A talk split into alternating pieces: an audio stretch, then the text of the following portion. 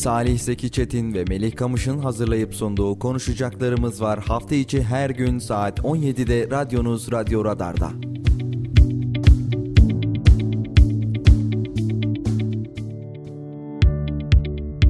Salih Zeki Çetin ve Melih Kamış'ın sunduğu konuşacaklarımız var başlıyor. 91.8 Radyo Radar'dan konuşacaklarımız var programından haftanın ilk gününden herkese mutlu akşamlar sevgili dinleyiciler. Ben Melih Kamış. Ben Salih Zeki Çetin. Salih hoş geldin. Hoş Haftanın bulduk. ilk gününde yine birlikteyiz. Hoş bulduk Melih. Evet e, yeni bir haftaya daha hep birlikte başlamanın mutluluğunu yaşıyoruz. Bizler de ayağımızın tozuyla e, Kayseri Büyükşehir Belediyesi'nin meclis toplantısından yayına geldik. Alınan kararların tabii ki şehrimize hayırlar getirmesini diliyoruz. E, durgun bir meclisti. Uzun süre sonra ilk kez bu kadar e, sadece kabul edenler ve etmeyenler arasında geçen bir meclis gördük. E, tabii bu tür meclisler beni mutlu etmiyor. Çünkü e, alınan kararlarda mutlaka eksiklikler olabiliyor, yanlışlıklar olabiliyor, gözden kaçan durumlar olabiliyor. Sadece ama sadece e, alınan kararların işte evet mi hayır mı diye oylandığı bir büyükşehir belediye meclisi görmek istemezdim. Daha böyle muhalefetin ağır bastığı e, ihtimaller zincirinde ya da kendi düşüncelerini ve fikirlerini biraz daha yüksek sesle dile getirdiği ve düşüncelerinin de açıkçası bir anlam ifade ettiği bir meclis olmasını isterdim. Çünkü e, tabii Kayseri Büyükşehir Belediyesi gibi ya da işte e, bu CHP'nin de salt çoğunluğu sağladığı ya da Cumhur İttifakı, Millet İttifakı'nın da salt çoğunluğu sağladığı meclisler için geçerli olabilir. E, salt çoğunlukların çok net ve belirleyici olduğu meclislerde e, kabul edenler ve etmeyenler yalnız ve yalnızca e, meclisin ana gündem maddesi oluyor. Onun dışında söylenenin, yazılanın, çizilenin ya da ifade ettiğimiz şeyin doğruluğunun yanlışlığının herhangi bir yeri herhangi bir e, değeri olmuyor. Fakat bunun yerine daha böyle dengelenmiş bir mecliste insanların kendine göre, fikirlerine göre doğru olana doğru, yanlış olana yanlış diyebildiği bir meclisi yaşayabilseydik hem şehrimiz açısından hem de ülkemizin diğer şehirleri açısından daha verimli belediye meclisleri görebilirdik. Fakat maalesef e, bizim gibi ülkelerde salt çoğunluğun sağlandığı ve insanların tıpkı siyasiler gibi kutuplaştığı ve e, iki ayrı alana dağıldığı sadece evet diyenler ve hayır diyenlerden oluşan bir e, durum söz konusu olduğunda maalesef bu tür problemleri yaşıyoruz. Bugün Cumhur İttifakı'nın çoğunluğunda gidiyor ama yarın atıyorum Millet İttifakı'nın ya da farklı partilerin salt çoğunluğunda da bir meclisi geride bırakabiliriz. O zaman da yine aynı şekilde bir eleştiri yöneltmek isterdim. E, bu sebeple ben çok meclislerin böyle sessiz, sakin ve durağan geçmesini sevmiyorum. En azından muhalefet net bir şekilde tavrını ortaya koyduğunda e, evet belki diğer yani muhalefetin karşısındaki iktidar belki muhalefetin e, söylediği şeyi bazen doğru da bulsa veya muhalefeti haklı da bulsa onlarla aynı fikirde olmamak adına e, karar değiştirmiyor. Fakat en azından vatandaş canlı yayınları izlediğinde veya sonrasında yayınlanan haberleri okuduğunda en azından ya evet bak bu adamlar da bir şeyi doğru söylüyormuşu kendi kendilerine telaffuz edip dile getirebiliyorlar ama maalesef Kayseri'deki muhalefetin de biraz e, bu noktada sönük olduğunu söylemekte fayda var diye düşünüyorum. Buradan tabii ki muhalefet siyasilerimiz de alınmasın, kırılmasın onu da eklemiş olayım. Bugün için önemli bir gündem maddesi Ee, var önemli bir gündem maddesi yoktu. Sadece e, haberini geçtik zaten o yüzden söylemekle bir beis görmüyorum. Geçtiğimiz dönemde e, vurularak e, hayatını kaybeden, öldürülen Ülke Ocakları Genel Başkanı vardı Sinan Ateş. E, onun isminin bir sokağa ya da caddeye verilmesi teklifi İyi Parti Grup Başkan Vekili Erhan Özsan tarafından teklif edilmişti. Komisyondan red olarak döndü. Ee, akabinde ise meclise sunulduğunda meclis de komisyonun red kararını onayladı. İyi Parti de reddin reddine tekrar bir e, yönde oy kullandı fakat karar değişmedi. Bugünün önemli gündem maddelerinden bir tanesi buydu diye düşünüyorum. Onun dışında da böyle dişe dokunur e, çok da bir gündem maddesi yoktu. Zaten ikinci oturum perşembe günü olacak. E, 30. maddeden 70. maddeye kadar hızlı bir şekilde seyretti ve e, Mehmet Başkan komisyona havale etti. Birçok maddeyi duymadık bile öyle söyleyeyim. Hafta sonu geçirdik Salih. iki gün boyunca dolu dolu bir iki gün. Hatta programda da söylemiştik. Cuma günü çok fazla vaktimiz kalmadı. Mobilya fuarını konuşalım demiştik. Aa, evet. 4-8 Ekim tarihleri arasında gerçekleştirilen Anadolu Mobilya Fuarı. Farklı ülkelerden katılımcıların yer aldığı, yaklaşık 175 firmanın katıldığı ve mobilya sektörünün kalbinin, nabzının tuttuğu bir mobilya fuarını geride bıraktık. Mobilya fuarına ayrı bir parantez açmak gerekiyor belki. İlk günden son güne kadar fuar nasıldı, neler bizi bekledi, orada neler oldu bunu konuşalım istersen. Evet, e, şimdi şunu söylemekte fayda var. Tabii ki mobilyanın kalbi Kayseri olduğunu bir kez daha görmüş olduk. Kayseri'deki firmalar ya da Kayseri'ye gelen firmalar e, ikinci Anamob mobilya fuarından, Anadolu Mobilya Fuarından mutlu mesut ayrıldılar. E, tabii biz mobilya fuarını ya da diğer fuarları yapıldığı şehre ithaf edebiliyoruz. İşte örneğin 8. Kayseri Kitap Fuarı, işte 6. İstanbul Mobilya Fuarı, işte 10. E, Kapı Fuarı falan diyebiliyorduk. Fakat şu an Kayseri'de şöyle bir durum söz konusu. Bizim burada yapmış olduğumuz mobilya fuarı sadece Kayseri'ye has ya da sadece Kayseri'nin e, dinlendiği, sadece Kayseri'nin firmalarının katıldığı ya da sadece Kayseri'deki insanların katıldığı bir fuar değil. Adı üstünde Anadolu Mobilya Fuarı. E, bu ne demek oluyor? Yani sadece Kayseri firmalarını ya da sadece Kayseri'den katılanları görmüyoruz. Bizler bu sayede tüm Anadolu'yu içine alabilecek, tüm Anadolu'yu bağrında barındırabilecek ve bu civardaki bütün şehirlerdeki mobilya üreticilerinin tek çatı altında toplandığı bir fuarı aslında görüp yaşıyoruz. Anamop bence bu yüzden önemli. Ee, şehrimize değil koca bir coğrafyaya mal olmuş olması biliyorsun. Ee, dünyada en eski medeniyetler nerede kurulmuştur diye sorulduğunda iki yanıtı duyabiliyoruz. Bir Mezopotamya, iki Anadolu. İşte Anadolu'da böylesine köklü bir milletin böylesine köklü bir uygarlığın yaşamış olduğu topraklar ve ee, Anadolu'nun isminin geçtiği bir mobilya fuarının da Kayseri'de yapılmış olması bence ayrıca mutluluk verici. Tabi bunun yanında Türkiye'de üretilen her 10 sandalyeden 3-4 tanesinin belki 5 tanesinin kimine göre 6 tanesinin Kayseri'de üretildiğini biliyoruz. Yine aynı şekilde Türkiye'de üretilen her 3 kanepeden bir tanesinin Kayseri'de üretildiğini biliyoruz. Kayseri gerçekten çok önemli bir üretim üssü. Kayseri gerçekten mobilya anlamında Türkiye'nin dinamo taşlarından e, bir tanesi ve bu şehirlerinden bir tanesi. Tabi e, Kayseri Mobilya Fuarı'nın da bir Anadolu gibi geniş bir coğrafyayı içine alması ve bu coğrafyadaki tüm insanların Kayseri'de bu tarihler arasında toplanması şehir ekonomisine de önemli girdiler sağladı. Şehirdeki otellerin 4-8 Ekim tarihleri arasında full olduğunu, full'e yakın olduğunu söyleyebiliriz. Bunun yanında yiyecek noktalarının, restoranların hatta ve hatta turizm merkezlerinin yani bizim tarihi ve gezilebilecek alandaki yerlerimizin ciddi manada dolu olduğunu söyleyebiliriz ve tabii bu da mutluluk verici bir şey. Sonuçta Maraş'tan işte e, Adana'dan, Niğde'den, Sivas'tan, Nevşehir'den, Kırşehir'den, Ankara'dan, Konya'dan birçok firma buraya geldi. Sadece firma da değil. Birçok katılımcı buraya geldi ve tabii ki e, baktığımız zaman oradaki yapıya 68 ülkeden 68 ülkeden farklı katılımcının, firmaların burada olduğunu biliyoruz. Bu ne demek? Yani dünya coğrafyasından 68 farklı ülke düşünün, sayabilin. O ülkelerin tamamının alım heyetleri Kayseri'deydi ve Kayseri mobilyasını alıp ya da sipariş yazıp ya da numune alıp o şekilde dönmüş oldular kendi ülkelerine. Hani fuara katılan mobilyacılarla konuştuk, fuara katılan vatandaşlarla konuştuk, fuara katılan alışveriş yapmayan, gezmeye gelen insanlarla konuştuk. Hakikaten herkes fuardan oldukça memnundu. Gelen memnun, satan Gelen, memnun. Aynen öyle Meli. Herkes memnundu. Bunun yanında tabii ki ülkemize bir döviz girdisi oldu. Şehrimize bir döviz girdisi oldu. Bizim yöneticilerimiz memnun. Yerel yöneticilerimiz memnun. Herkesin memnun olduğu bir fuardı. Bunun yanında Nobel Expo memnun. Yönetim Kurulu Başkanı Eren Çelik oldukça memnundu. E, fuarın başladığı gün hatırlayacaksın. E, Develili Şehit Mikail Bozdoğan'ın adı bir kez daha anılmış, yad edilmiş oldu. Fuara giriş 150 TL'ydi, 150 liraydı ve e, fuara girişteki kapı ücretlerinin tamamı Develili Şehit Mikail Bozdoğan'ın ailesine bağışlanmış olduğu Nobel Expo tarafından.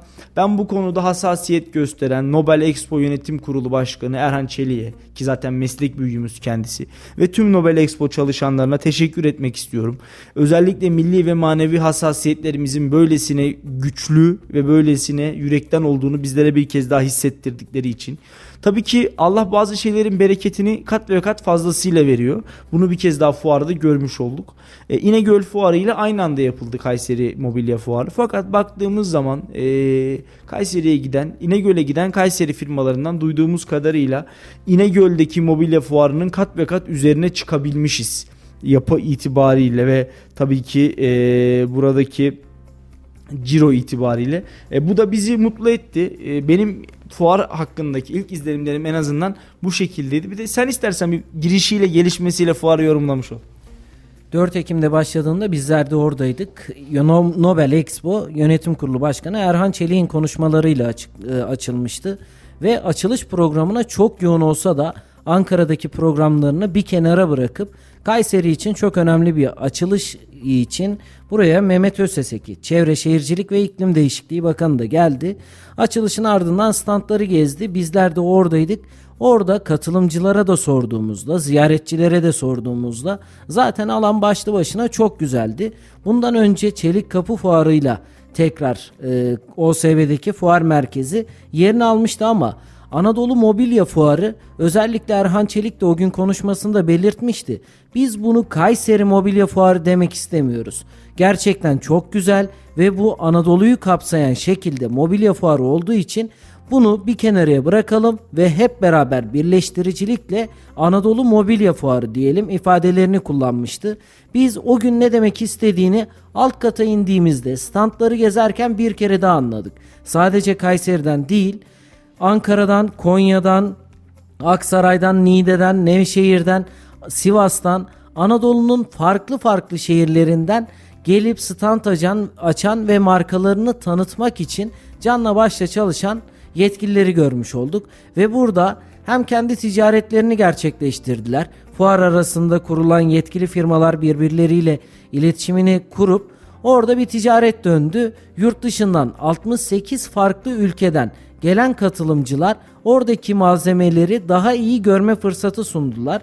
Neden bunu diyorum? Çünkü pazarlamacılar yurt dışına gittiğinde ürünleri tanıtırken en çok zorlandıkları konulardan biri şuymuş. Gittiklerinde biz sadece telefonlardan, bilgisayardan sunum yapabiliyorduk ama markalarımızın, modellerimizin dokusunu biz dışarıdan gelen ya da satmak istediğimiz firma yetkililerine sağlayamıyorduk. Bu fuar vesilesiyle de biz buradaki dokumuzu, renklerimizi yerinde gösterme fırsatı sunduk ifadelerini kullanmışlardı. Bu da çok önemliydi. Yoğun bir katılım vardı. İlk günden son güne kadar gerçekten firmaların da işlerinin iyi olduğunu söyleyebiliyoruz. Biz bunu sadece kendi çıkarımımız değil çünkü firma yetkilileriyle görüştüğümüzde bunlar da fuardan memnun ayrıldıklarını, önümüzdeki fuarı da sabırsızlıkla beklediklerini ifade etmişlerdi.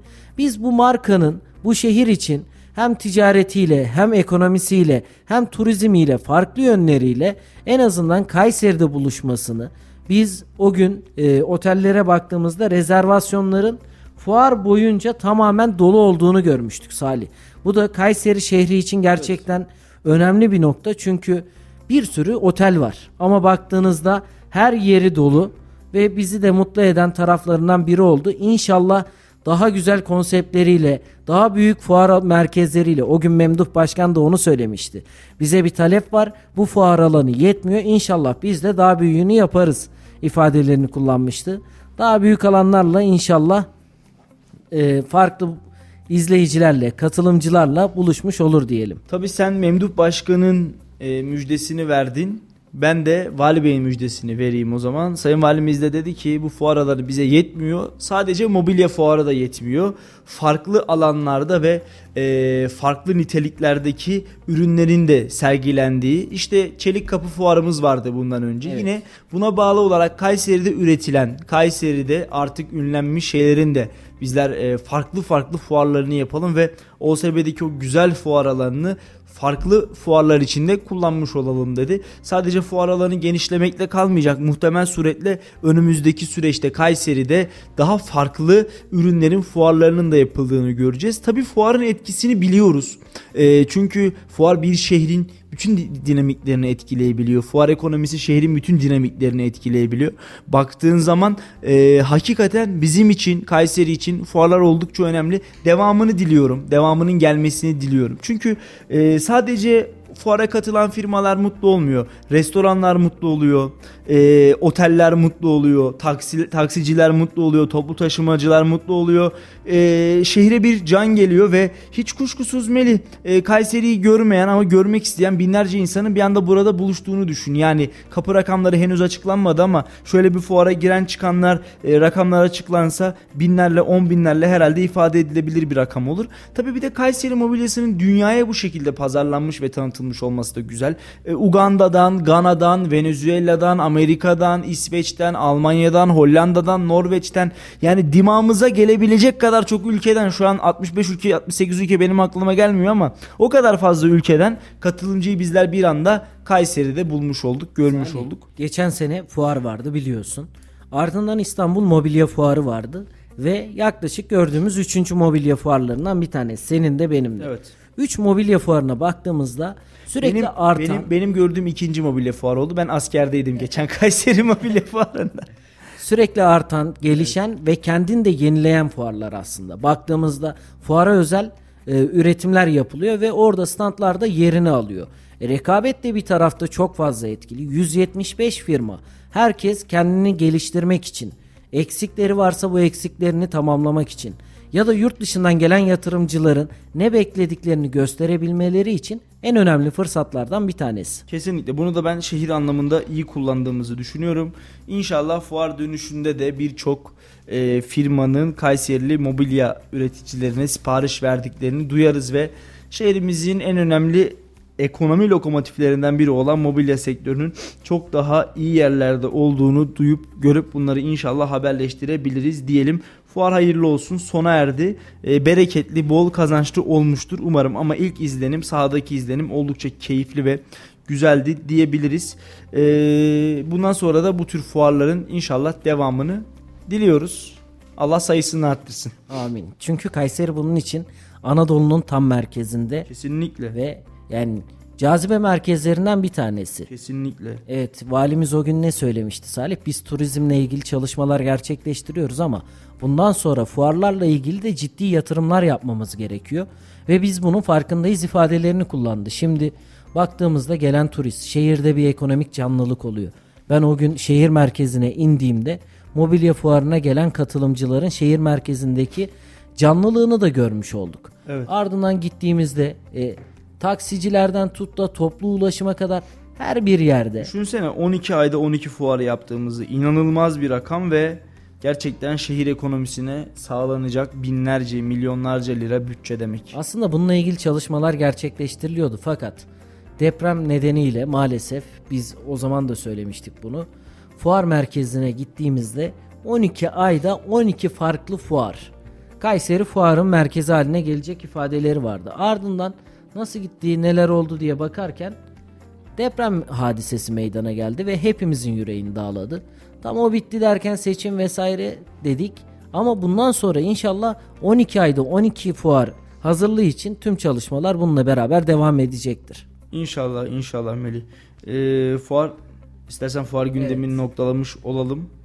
Salih geçen e, tekrar şu konuyu da konuşalım mutlaka dediğimiz konulardan bir tanesi okullar açıldı. Evet. Ve ek kitapla ilgili sürekli şikayetler de gelmeye başlamıştı ve ek kitap maliyetinin o gün yazmıştı Feridun Bey yanlış hatırlamıyorsam 1600 bir liraya kadar. öğrenci için devlet okulunda 1600 lira olduğunu evet Feridun Bey söylemişti. Evet. Tabii- Okullar açıldı. Okulların açık, açılmasıyla beraber ek kitap sorunu yeniden gündeme geldi. Hem velilerin hem de öğretmenler tarafından değerlendirmek gerekirse neler söyleriz? Şimdi eee, ben bir kez daha aynı konudan gireceğim belki ama işte kitaplar şu anda ücretsiz dağıtılıyor.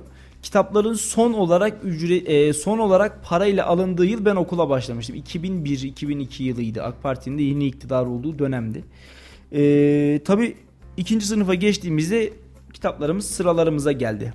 Ücretsiz bir şekilde bu kitaplara ulaştık. Hala bu uygulama Türkiye'de devam ediyor. Ee, AK Parti iktidarıyla birlikte gelen bu uygulama. Yerinde doğru ve güzel bir uygulama. Bir kere herkesin e- eğitim hakkına eşit bir şekilde e, ulaşmasına ve bunun yanında eğitim hakkını tam manasıyla alabilmesini sağlıyordu. Çünkü parası olmayan insanlar olabilir ya da başkasının ikinci kitabıyla okula gelmek zorunda olanlar olabilir. O sayfa eksik olabilir. Yani yırtık sayfalar olabilir, yırtık küpürler olabilir. Ama e, maalesef şunu söyleyeyim. Yıllara sahir olarak bizler bedava kitabın önemini unuttuk. Yani bedava kitabın önemini unuttuktan kastım her yıl düzenli olarak hep aynı şikayetleri duyuyoruz. Hep aynı şikayetleri dinliyoruz. E, ek kitap. Ek kaynak, ek kitap, ek kaynak, ek kitap, ek kaynak. Bunlar sürekli problem olmaya başladı. Geçtiğimiz yıllarda Kayseri Emniyetimizin yaptığı operasyonda hatırlayacaksın sen de. E, öğrencilere Onlar... gönderilmesi için gelen kitaplar evet e, ikinci el kağıt toplayıcılarının elinde polisler tarafından ele geçirilmişti. Ve tonlarca kitap senin de az önce ifade ettiğin gibi tonlarca kitap. E, bence bu sorunu topyekün bir şekilde halletmemiz gerekiyor. Milli Eğitim Bakanlığımız, okul müdürlerimiz, öğretmenlerimiz ve velilerimiz. Bu sorun ancak ve ancak böyle çözülür. Ee, eğer devletimizin verdiği kitaplar bizim işimize yarıyorsa neden ek kitap alıyoruz? Eğer devletin verdiği kitap işimize yaramıyorsa devlet o kitabı neden dağıtıyor? Yani madem bizler devletin verdiği kitaptan memnun değiliz öğretmenler olarak, eğitim camiası olarak o zaman toplarsın arkadaş bu işi kim organize ediyorsa, kim ilgileniyorsa dersin ki bu kitabı şöyle yapmayalım da böyle yapalım. Salih çok uzun yıllar olmadı. Sen de yeni mezun oldun diye nitelendirebiliriz. Ben de yeni mezun oldum diye Benim, nitelendirebiliriz. Yani iyi sayarsak hoşuma gider. Beşinci senem ama yani, mezun olalım. Memnun. Çok fazla değil. Üniversiteye geçtiğin dönemlerde evet.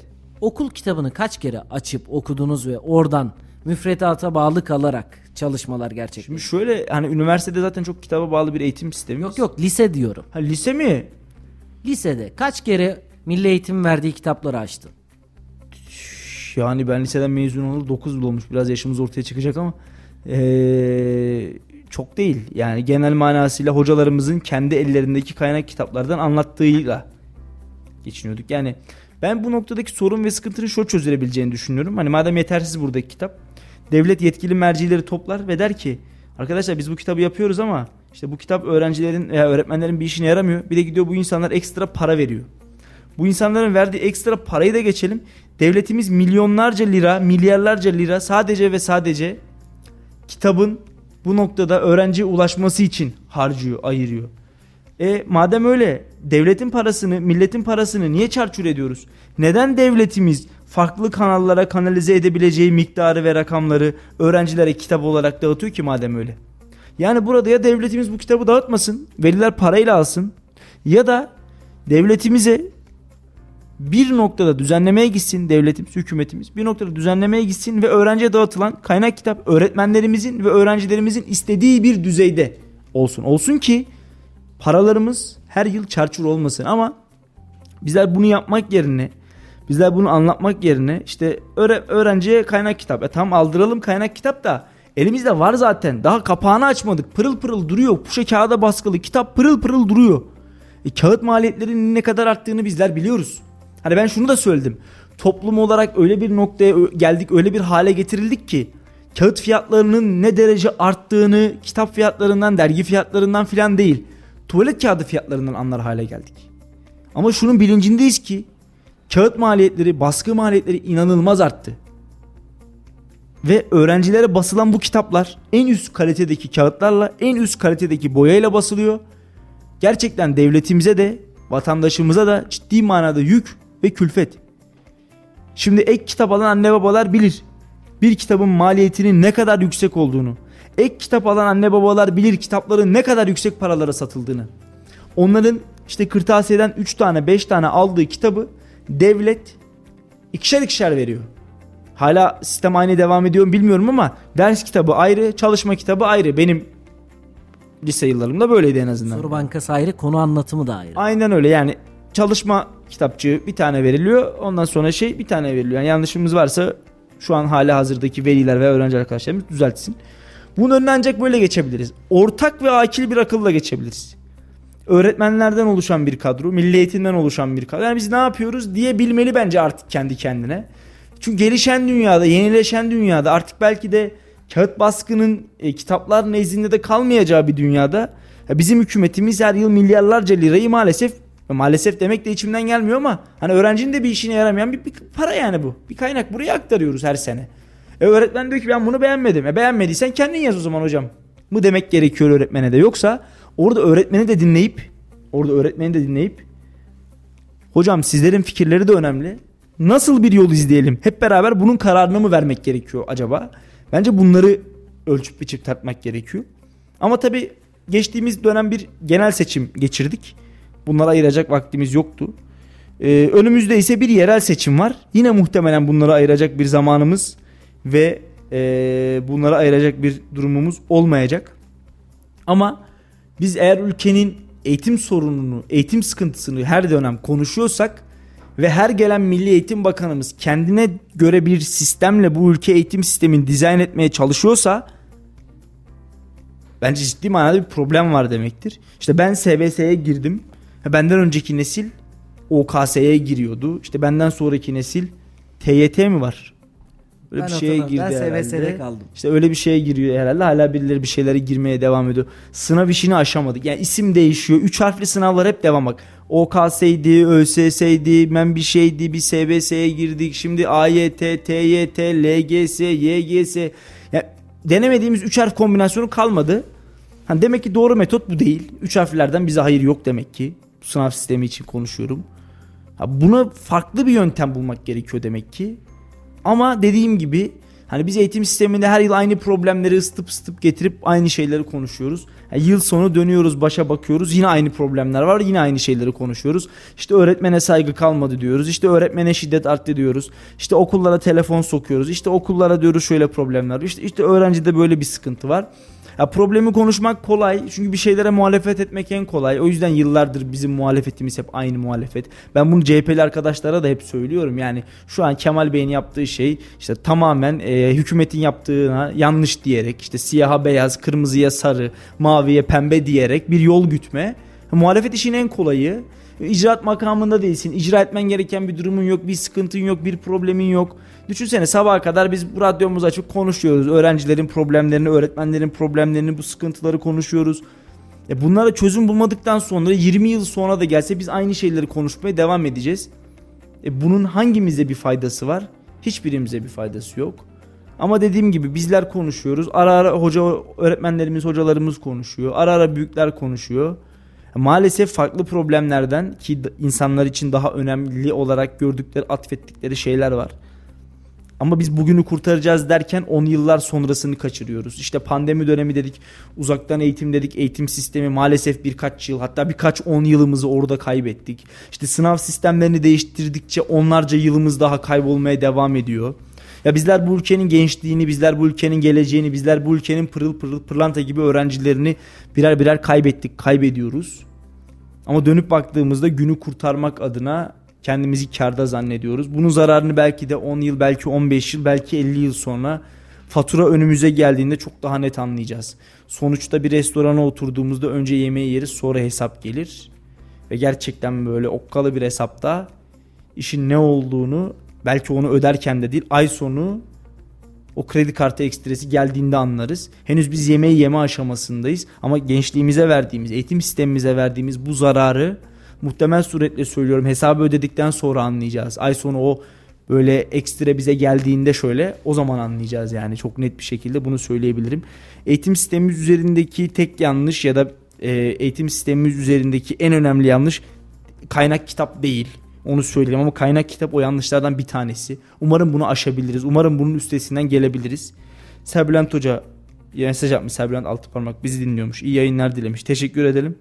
Eğitim sistemi son 20 yılda e, hiç anlam ifade etmeyen bir hale geldi demiş. Her gelen Milli Eğitim Bakanı kendi bildiği, etrafından aldığı bilgi ve çalışma sistemini uygulamaya çalıştı. Yarım olan bilgi bizim geleceğimizi maalesef bitirdi. Dünyanın hiçbir yerinde uygulanmayan sistemi kendi kendimizi uygulamaya çalıştık. Bunda da başarısız olduk demiş. Evet ben de 3 aşağı 5 yukarı aynı şeyleri söyledim zaten.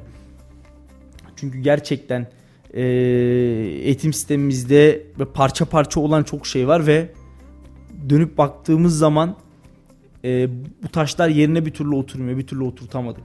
Sebebini bilmiyorum. Gerçekten bilmiyorum. Ama kalıcı bir çözüm bulunması gerekiyor. Hep birlikte bu çözümü bulmamız gerekiyor.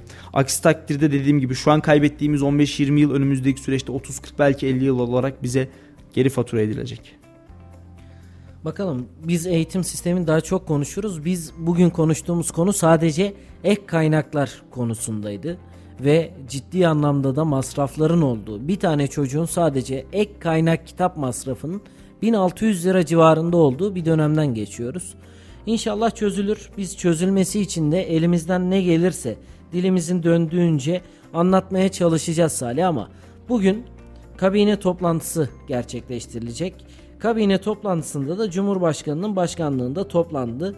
Toplantıda emekli maaşlarına ilişkin düzenlemeye son halinin verilmesi de bekleniyor. Çünkü sürekli konuşuyoruz belki emekli maaşları ile ilgili ama bu kabine toplantısından sence güzel müjdeli bir yanıt çıkar mı? Şimdi buradaki müjde kime göre bir müjde? Tabii ki ölçmek biçmek lazım. Bize göre bir müjde yok ortada. Emekliyi alakadar eden, emekliyi ilgilendiren, emekliyi belki de ee, önemli kılacak bir müjde sayabiliriz. Beklediğimiz bir müjde var. Tayyip Erdoğan bir açıklama yapacak Sayın Cumhurbaşkanımız ama e, bir de tabii 20 gün sonra tam 20 gün sonra kutlu cumhuriyetimiz tam 100 yaşında olacak. Türkiye Cumhuriyeti'nin 100. yılını belki de e, hayatımızdaki en büyük coşkuyla kutlayacağız. Çünkü işte Ulu Önder Gazi Mustafa Kemal Atatürk'ün 10. yıl nutkunu okurken sarf etmiş olduğu sözler ve 10. yıl kutlu olsun ifadesi hala kulaklarımızın bir köşesinde duruyor. Biz bugün Türk gençliği olarak o onun yanına bir sıfır daha koymayı başardık. Ve Cumhuriyet'in 100. yılında bu ülkenin bir evladı olmak herhalde hepimiz için en büyük övünç kaynaklarımızdan bir tanesidir diye düşünüyorum. Ee, 100. yıl ikramiyesi adı altında emekliye de yine bir ikramiye verilebileceği gelen kulis bilgileri arasında onu da söyleyeyim. Ee, onu da söyleyeyim. Bu da tabii ki emekli memnun edecek, mutmain edecek bir gelişme. Hani belki maaşla ilgili şu an bir düzenleme olmaz. Belki yılbaşından sonraya kalır. Belki onu yılbaşından sonraya bırakırlar ama tabii e, emekli ikramiyesi daha yüksek bir müjde ihtimali bana göre bana kalırsa. Çünkü yılın ortasındayız hatta sonuna doğru yaklaşıyoruz. Ee, böyle bir atmosferde hadi emekliye de şuradan işte %30 zam verdik bunu da açıklıyoruz demek e, yerine belki de e, dediğim gibi bir ikramiye açıklanacak ve ondan sonra e, emekli zammı Ocak ayında açıklanmış da olabilir. Ağzına sağlık Salih. Yavaş yavaş da programımızın sonuna geldik. Varsa son sözlerini alalım. Evet teşekkür edelim. Kabine toplantısı bittikten sonra Sayın Cumhurbaşkanı'nın açıklamalarına bizler de kulak vermiş olacağız. Merakla bekliyoruz. E, haftayı bu şekilde açmış olduk. Bizi dinleyen herkese ayrı ayrı teşekkür ediyoruz. Sana da teşekkür ediyorum. Ağzına sağlık. Ağzına sağlık Salih. 91.8 Radyo Radar'da konuşacaklarımız var programında sizlere seslendik. Bizi dinlediğiniz için, bize vakit ayırdığınız için her birinize ayrı ayrı teşekkür ediyoruz. Yeni yayınlarda görüşünceye dek hoş kalın, hoşça kalın. Salih Seki Çetin ve Melih Kamış'ın sunduğu konuşacaklarımız var sona erdi.